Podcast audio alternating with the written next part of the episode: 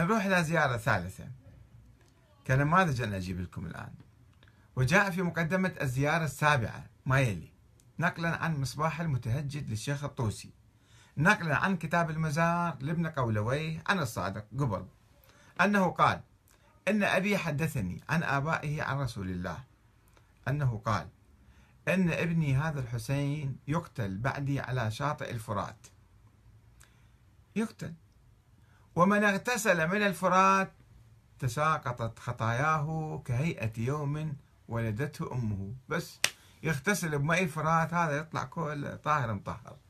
زين وإذا المي مقطوع تركيا قاطعت علينا شو نسوي؟ وين نغتسل؟ وين نروح؟ وأما ما جاء في نفس الزيارة فهو بعد السلام السلام عليك يا أبا عبد الله السلام عليك كذا ولعني قتلة الحسين أيضا إيه ونشوف التالي. أشهد أنك الإمام البر التقي النقي الرضي الزكي الهادي المهدي. وأشهد أن الأئمة من ولدك كلمة التقوى وأعلام الهدى والعروة الوثقى والحجة على أهل الدنيا. وأشهد الله وملائكته وأنبياءه ورسله أني بكم مؤمن وبإيابكم موقن. راح ترجعون الدنيا مرة ثانية. وهذه الفقرة تتضمن نظرية الإمامة ونظرية الرجعة التي قال بها بعض الشيعة القدماء ويمكن بعض بعض الشيعة اليوم بالحوزة بالكذا يمكن أن يقولون بها أيضا. وكما يلاحظ فإن الشيخ عباس القمي لا يذكر سند الرواية من ابن قولويه إلى الصادق. ولسنا نعرف فيما إذا كان ابن قولويه قد ذكر السند أم لا. وما هو وفيما إذا كان صحيحا عند الشيعة أم لا. وحتى لو افترضنا هاي ال... ال... هذا الكلام وارد عن الصادق. نفترض والصادق رواه عن أبيه مثلا. طيب ما هو. دي... دي يكبر نفسه يعني يصير. الباقر هم يكبر نفسه. أنه هذا اللي يزورنا اي شكل له فضل وثواب.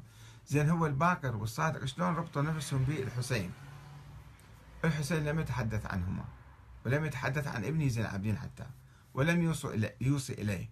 ولا يوجد أي ربط بين زين العابدين وبين الحسين. فالأئمة اللي جايين بعدك شلون؟ وأشهد أن الأئمة من ولدك كلمة التقوى. من وين صاروا ذولا بهالدرجة العالية اللي صاروا حجة على أهل الدنيا. هاي نظرية الإمامة بس هي نظرية مختلقة في القرن الثاني الهجري.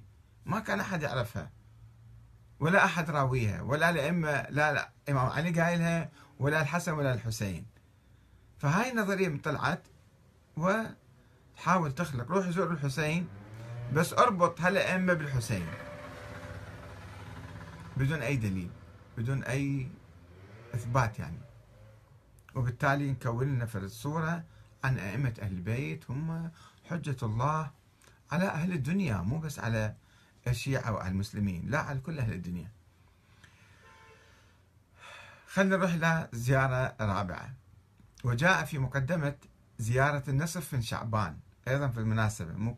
خبرناكم سابقا أن كل يوم في زيارة وكل مناسبة وكل شهر وكل أسبوع وكل ساعة وكل هذا.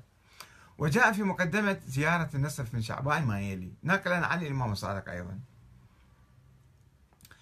من أحب أن يصافحه مئة ألف نبي وأربعة وعشرون ألف نبي يصافحوه.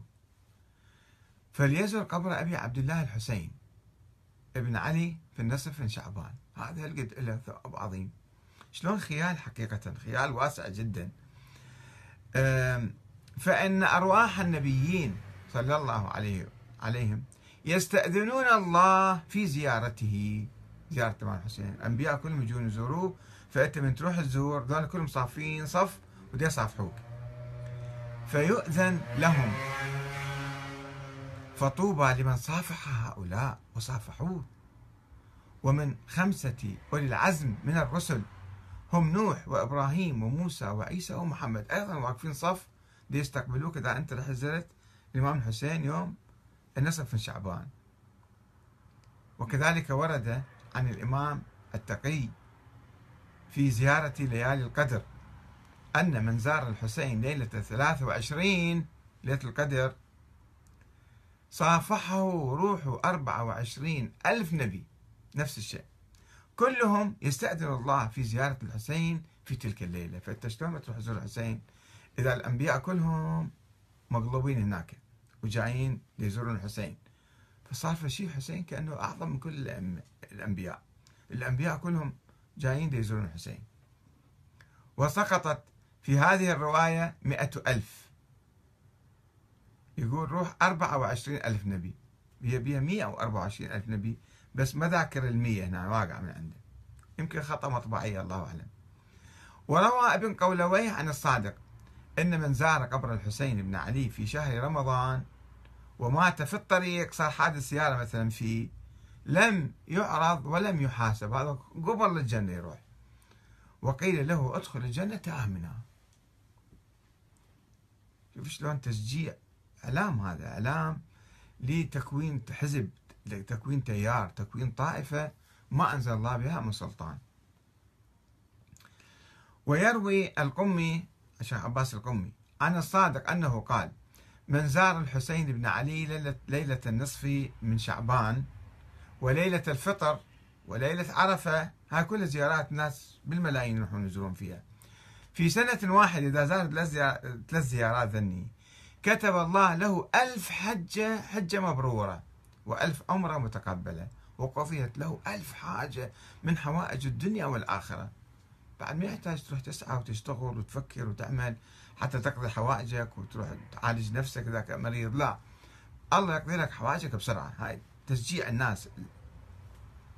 وهذا ما لم يرد عن رسول الله صلى الله عليه وآله وسلم حول أي عمل صالح آخر. أنه هيك ثواب به ويوجد في زيارة العيد ما يلي.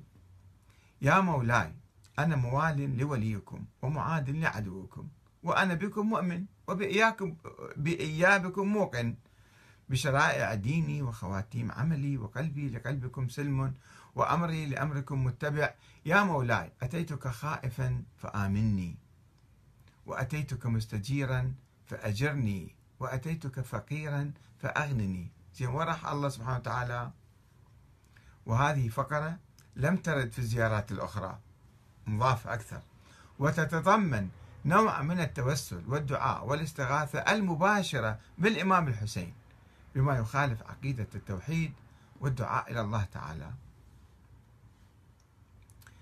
ويشابه ذلك ما يرويه الشيخ عباس القمي في كتابه الآخر الملحق بمفاتيح الجنان اللي أطلق عليه الباقيات الصالحات. تحت عنوان صلاة صلاة خاصة بالاستغاثة بفاطمة الزهراء. فيقول إذا كانت لك حاجة إلى الله تعالى وضاق صدرك منها فصل ركعتين. فإذا سلمت كبر ثلاثا وسبح بتسبيح فاطمة سلام الله عليها ثم اسجد. وقل مئة مرة. يا مولاتي يا فاطمة أغيثيني ثم ضع خدك الأيمن على الأرض وقلها مئة مرة. ثم ضع خدك الأيسر آه، وقلها مئة مرة. ثم عد إلى السجود وقلها مئة وعشر مرات. واذكر حاجتك فإن الله تعالى يقضيها إن شاء الله. بعد ما يحتاج تسوي أي شيء أي تسعى أي شيء. حتى لو تفوز بالانتخابات مسوي هالشغلة راح تفوز بالانتخابات. ومن الواضح انحراف هذا الدعاء البدعي.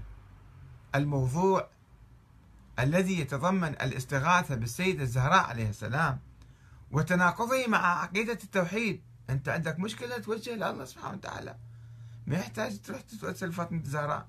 وشنو راح تسمعك يعني شلون؟ شلون تقضي لك؟ وافترض مليون واحد يدعون بالدعاء. شلون تلحق لهم تقضي حوائجهم؟ عقيدة التوحيد تقتضي إخلاص الدعاء لله تعالى والاستغاثة به. ولكن هذا دعاء فيه ناس مشركين حتى.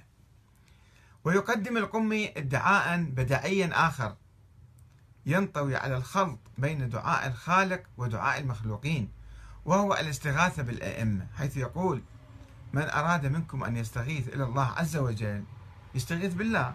أول شيء يقول فليصلي ركعتين ثم يسجد ويقول يا محمد يا رسول الله يا علي يا سيدي المؤمنين المؤمنين والمؤمنات بكما استغثت إلى الله تعالى.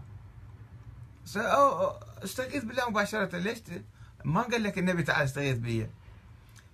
يا محمد يا علي أستغيث بكما. يا غوثاه بالله وبمحمد وعلي وفاطمة. وتسمي كل من الأئمة. ثم تقول بكم أتوسل إلى الله تعالى فإنهم يغيثوك لساعتك إن شاء الله تعالى.